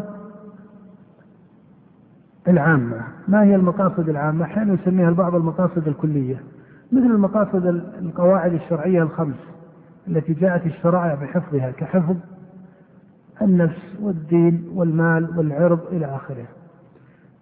هذه لا بد للنظر في الدليل المعين الذي سميناه الدليل اللفظي أن يستصحب الناظر ماذا؟ الفقه في لسان العرب وأن يستصحب ماذا؟ الفقه في المقاصد الكلية. الثالث الفقه في المقاصد الخاصة الخاصة بباب معين وأنتم ترون أن الفقهاء مثلا لما تكلموا عن تغسيل الميت ذكروا في طريقة تغسيله ودفنه وبعض المجريات في هذا ذكروا آدابا ما عليها نصوص معينة ولا سيما في حال التغسيل والتكفير أن المغسل يفعل كذا ولا يفعل كذا وينبغي له أن لا يفعل كذا ويترفق بكذا. هل هناك نصوص معينة صرحت بذلك؟ بهذه التفاصيل الجزئية على التعيين؟ لا لكن مقصد الشارع بين أن المقصود هنا حفظ ماذا؟ حرمة الميت المسلم. فلما كان هذا مقصدا بينا في هذا المقام تجد أنهم إيش؟ تكلموا في الآداب العرفية أحيانا في الحفظ. الآداب العرفية أحيانا في الحفظ التي هي من كريم الأخلاق طبعا. التي هي من كريم الأخلاق طبعا لأن هذا تحقيق لمقصد الشارع بحفظ كرامة الميت. ولذلك من قد يأتي يقول هذه الذي استحبه الفقهاء لا دليل عليه. بل الغاسل ما يفعل ذلك. طيب ليش ما يفعل ذلك؟ كأنه يعاند نفسه. كأنه ماذا؟ كأنه يعاند فطرته. حين تقول له لا لا ما تفعل ذلك ما في دليل. كأن كأنه ماذا؟ كأنه يعاند نفسه. يعني يعاند فطرته الصحيحة. هذا ما قد يشار إليه بالمقصد الخامس. أحيانا أو عفوا الثالث اللي هي المقاصد الخاصة. من باب المقاصد الخاصة أحيانا مثلا سد الذرائع. عفوا العفو العفو عما يشق التحرز منه. يعني من مقصود الشارع في هذا الباب العفو عما يشق التحرز منه لمعتبر الشارع في مقصد التطهير مثلا.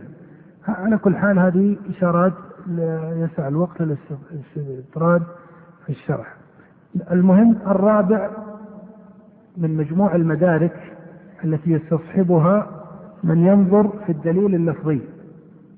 الرابع من مجموع المدارك التي يستصحبها من ينظر في الدليل اللفظي استصحاب الأصل الخاص. فرق بين مقصد الشارع هذا مقصد يعود إلى العلة السابقة يعود إلى باب العلل المقاصد تعود إلى مقام العلل. أما الأصل فهو يكون حكم له وجه من الكلية إما الكلية العامة وإما الكلية الخاصة انضبط استصحاب الأصل العام عند النظر حتى تفرق بين المقاصد والأصول. في هذا السياق. مثل في باب أو في استصحاب الأصل قلنا العام والخاص استصحاب الأصل الخاص هو من حيث الترتيب يفترض نقول العام اولى إذا نبقى على الترتيب أفضل. استصحاب الأصل العام. الأصل العام المقصود به حكم كلي وليس علة سابقة مثل المقاصد. إنما هو حكم كلي في هذا الباب. مثل الأصل في المعاملات إيش؟ الحل هذا حكم فلا بد عند نظرك في دليل أن تستصحب مقصود الشارع بحفظ النفس مثلا ومقصود الشارع في أن الأصل في العبادات ماذا؟ أو تقول حفظ المال هذا مقصد شرعي حفظ المال إيش؟ مقصد شرعي والأصل في المعاملات الحل هذا إيش؟ أصل شرعي فهذان أصلان بالتسميه العامة هذا تسميه مقصدا وهذا تسميه أصل بحكم استصحاب الأصل الخاص ما هو الأصل الخاص؟ لا هذا أصل كلي لكن أصل خاص مثل ما مثلنا سابقا حتى تنضبط الأمثلة في الذهن في الزكاة لما قيل إن الأصل في أموال القنية والاتفاق أنه إيش؟ فيها زكاة ولا زكاة فيها؟ لا زكاة فيها. فحين تنظر في حديث اليمانيتين أو المرأة اليمانية وما معها من البنتين آه، أو البنتان في معه في يديهما مسكتان من ذهب إلى آخره أتؤدين الزكاة هذا؟ فأنت تستصحب في نظرك في هذه الأحاديث كحديث عبد الله بن عمر هذا جاء من رواية عبد الله بن عمر وهو أجود حديث في الباب مع أنه عند الجمهور مسروق العمل به إلا عند أبي حنيفة ومع ذلك يقال حين تنظر فيه تستصحب أن الزكاة فيها إيش؟ أصل أن أموال القنية والارتفاق لا زكاة فيها بمعنى أن هذا يؤثر في فقهك.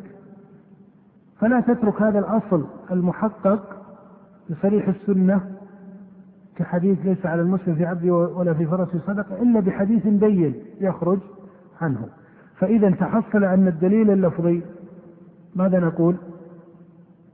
الدليل اللفظي المعين يفقه تفسيره بمجموع مدارك. المدرك الأول الفقه في لسان العرب اثنين الفقه في المقاصد العامة مثل حفظ النفس وحفظ المال وحفظ الدين. الفقه في المقاصد الخاصة الاستصحاب للأصل العام الخامس الاستصحاب للأصل الخاص إذا وصلت إلى هذا فهذا ما يفقه به الدليل اللفظي المعين وأما دليل الاستقراء فتقدم الإشارة إلى معناه. هنا يقال إن هذا هو منهج من؟ المتقدمين. هذا هو منهج المتقدمين والمحققين من المتأخرين. وهذا يبين لك أن دليل الشريعة مستوعب للمسائل أو يضيق عنها إذا أخذته بهذا المفهوم فهو دليل إيش مستوعب وهذا هو الأصل الشرعي أن دليل الشريعة يستوعب المسائل مهما طرأت مهما طرأت المسائل إلى أن تقوم الساعة فإنه يمكن بل لا بد أن لها حكما في كلام الله إيش؟ ورسوله. متى ذلك؟ إذا فقهت الدليل على أنه ماذا؟ الدليل بوجهه الأول وفقهت الدليل بوجهه الأول بمجموع المدارك الخمس واعتبرت الدليل بوجهه الثاني وهو دليل ماذا؟ الاستقراء. يعلق بعد ذلك فيقال: ولما فات فقه دليل الاستقراء أو كثير منه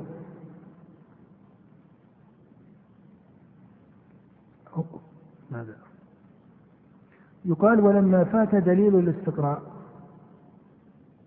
كثيرا من المتأخرين ولا تقول جميع المتأخرين يقال ولما فات دليل الاستقراء أو كثير منه كثيرا من المتأخرين عرض لهم أحد مقامين.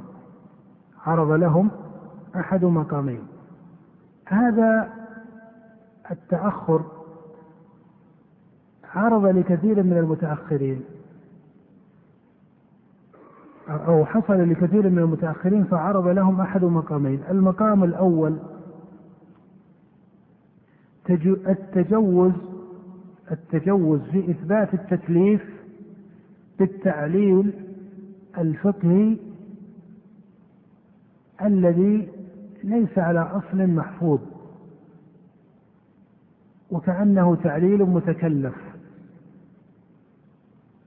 وكأنه تعليل متكلف. مثل بعض تعليلات الفقهاء المتأخرين ولا أقول جميع تعليلات الفقهاء المتأخرين. لكن أحيانا تجد أنهم يحرمون أو يغلقون بتعليل. هذا التعليل ليس على أصل محقق حتى عند إمام المذهب. واضح؟ فهذا صار هناك تجوز لما لا لم يجد هذا الفقيه دليلا لفظيا على حسب مصطلح الدليل اللفظي الذي ذكرناه. وليس هو من أهل فقه الاستقراء فأحيانا يغلق بماذا؟ أحيانا يغلق بماذا؟ بالتعليل وأنبه هنا إلى أن الإشكال ربما يتضح لك أكثر إذا كان هذا الفقيه يريد أن يستدل لقول إمام نقل قوله ولم ينقل دليله فلربما تكلفوا في الدليل فجعلوا مبنى الحجة في قول الإمام تعليل هذا التعليل قابل للإسقاط ولربما احتجوا بحديث ضعيف عند الإمام نفسه. ربما احتجوا بحديث ضعيف أحيانا عند الإمام نفسه. أو يكون حديث بين الترك عند المحدثين. فمن ينظر من بسطاء الحال يقول والله مذهب أحمد ومذهب الشافعي ضعيف لأنه بني على حديث أو على علة لا تقبل الاحتجاج.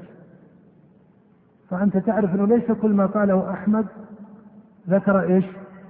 الدليل. أقواله المنقولة أكثر من الأقوال التي نص فيها على الدليل فضلا عما خرج على مذهبه إذا دخلت في مصطلح المذهب الاصطلاحي. فإذا عرض أحد المقامين التجويز في إثبات أو التجوز في إثبات التكليف بالتعليل الفقهي الذي لابد أن نصفه حتى لا نغلق التعليل الفقهي الذي ليس على أصل محقق وكأنه وجه من التكلف. وهذا يعرف إما في بعض الأقوال أو في الاستدلال لقول الإمام. وهذا حال كثير من الفقهاء المتمذهبين. هذا حال كثير من الفقهاء المتمذهبين. هذا منهج ليس حكيما وليس صوابا. المنهج الثاني وهو الذي مال إلى الإبراء. هذا مال إلى إيش؟ أو المقام الثاني مقام إيش؟ الإبراء من التكليف. فيقال المقام الثاني الإسقاط للتكليف باستصحاب أصل. فإن كان في العبادات قالوا الأصل براءة الذمة فلا يكلف الإنسان بوجوب أو استحباب. وإن كان في المعاملات قالوا الأصل الحل. وهذه الطريقة يميل إليها بعض أصحاب الحديث المتأخرين حين لا يجدون الدليل اللفظي وليسوا من أهل فقه الاستقراء. فماذا؟ فيصيرون إلى الإبراء خلافا لبعض المتمذهبين من الفقهاء وكيف يصيرون إلى الإبراء؟ كما أن أولئك يصيرون إلى التكليف بالتعليل القاصر فهؤلاء يصيرون إلى الإبراء باستصحاب أصل. فإن كان المورد العبادات قيل الأصل براءة الذمة ولذلك من الأمثلة التي لا بأس أن نمثل بها في نظرهم أو في نظر البعض. كمن يقول مثلا إن من ترك واجبا في الحج فليس عليه شيء بل يتوب وإيش؟ ويستغفر. لماذا؟ قال الدليل عدم الدليل. الدليل عدم الدليل. لا دليل فإن قلت له فأثر ابن عباس قال هذا قول صحابي وهو مما يمكن أن يقال بالرأي والقياس. من ترك نسكا فليهلك دما. ولربما قال بعضهم إن الصحابة قد اختلفوا فإن عمر سئل عن من ترك المبيت المزدلفة فقال يمضي. وهذا يقول يدل على أن الصحابة لم يتفقوا على أن الواجب فيه إيش؟ دم. وهذه أقول طريقة ناقصة. لماذا؟ لأنه أثبت أن عمر يذهب إلى إيش؟ يذهب إلى أن يذهب هذا كمثال أثبت مثلا أن عمر أو ابن مسعود أو يذهب إلى أن مزدلفة من الواجب فلربما أن هذا لا يراه واجبا وغيره يراه واجبا والخلاف ليس على الأشياء المعينة في الحج إنما الخلاف على الأصل. وإلا تعرفون هل الفقهاء أو حتى الصحابة اتفقوا على تعيين الواجبات أم أن فيها خلافا؟ فيها خلاف في تعيين الواجبات خلاف معروف وإنما إذا تحقق أن هذا واجب فلا فلم ينضبط عن الصحابة أو الأئمة التصريح بأنه لا شيء عليه. الذي أقصده بهذا المثال. هنا يقال مثلا من ترك واجبا لا شيء عليه لأن الأصل براءة ماذا؟ الذمة. ما دام ما في دليل لفظي مبين من السنة فالأصل براءة. الذمة وإذا كانت معاملات قيل ما في ما في دليل بين. هنا فالأصل الحلف العبادات. وهلم جرى هذا هذا المنهج أيضا ليس منهجا مستتما ليس منهجا حكيما مستتما. وكما أسلفت أنه يعرض لبعض من أراد ترك المذاهب والاختصاص بالسنن والحديث. وهذا العناية بالسنن والحديث وجه فاضل لكن هذه التطبيقات تتأخر عن مطابقة منهج المتقدمين. ولذلك الذي نوصي به الإخوة ويوصى به طلبة العلم هو العناية بالدليل اللفظي من حيث التحصيل وهذا يقع بتتبع السنن والآثار ومن حيث ماذا؟ الفقه وهذا من حيث العناية بمجموع المدارك الخمس. وكذلك العناية بالدليل الاستقرائي. أما العناية بالدليل اللفظي من حيث التحصيل إثباتا دون فقه الاستقراء أو عفوا دون فقه التحصيل آه، لحكمه وهو مجموع المدارك الخمس فهذه حال قاصرة. وكذلك مما ينبه إليه العناية بدليل الاستقراء. وأنت ترى أن الإمام الشافعي رحمه الله إذا قرأت في كتبه كالأم أو الرسالة مثلا أو في تطبيقاته في الأم بخاصة كتطبيقات على الفروع تجد البيان أو تجد التحقق البين كيف أن الشافعي يعنى بالدليل اللفظي ثم كيف يعنى بطريقة إيش؟ التفسير له التفسير له بالمدارك حتى الشافعي يصرح لك بذلك يقول وإن إذا استقرأنا لسان العرب فإن العرب إذا قالت كذا كذا. فالعناية عند الشافعي ويقول لكم من مقصد الشارع كذا وجاءت أصول الشريعة بكذا فهو واضح من عند من خلال تطبيقه وإنما أذكر الشافعي ليس لاختصاصه عن مالك أو عن مالك وأحمد وغيرهم وإنما آه، لأن الشافعي كتب كتابة بينة مفصلة في مثل هذا فيكون المشاهدة بينة أو ممكنة. يبين لك كيف كان الشافعي وأمثاله آه، من المتقدمين يفقهون ذلك. كانوا يفقهون ذلك من حيث التطبيق. أما من حيث دليل الاستقراء فهذا أيضا بين في طريقة حكم الأئمة على المسائل. ولذلك قلت لكم إنهم ربما تركوا العمل بظاهر حديث لاستقراء عندهم وربما أخذوا ببعض الأصول في مق... أو أخذوا ببعض الحديث الفاظ في مقام وتركوه في مقام آخر فهذا لكونه وافق الأصل فأخذوا به وهذا لكونه عارض الأصل فإيش؟ وليس إسناده بينا فتركوه وهلم جرا.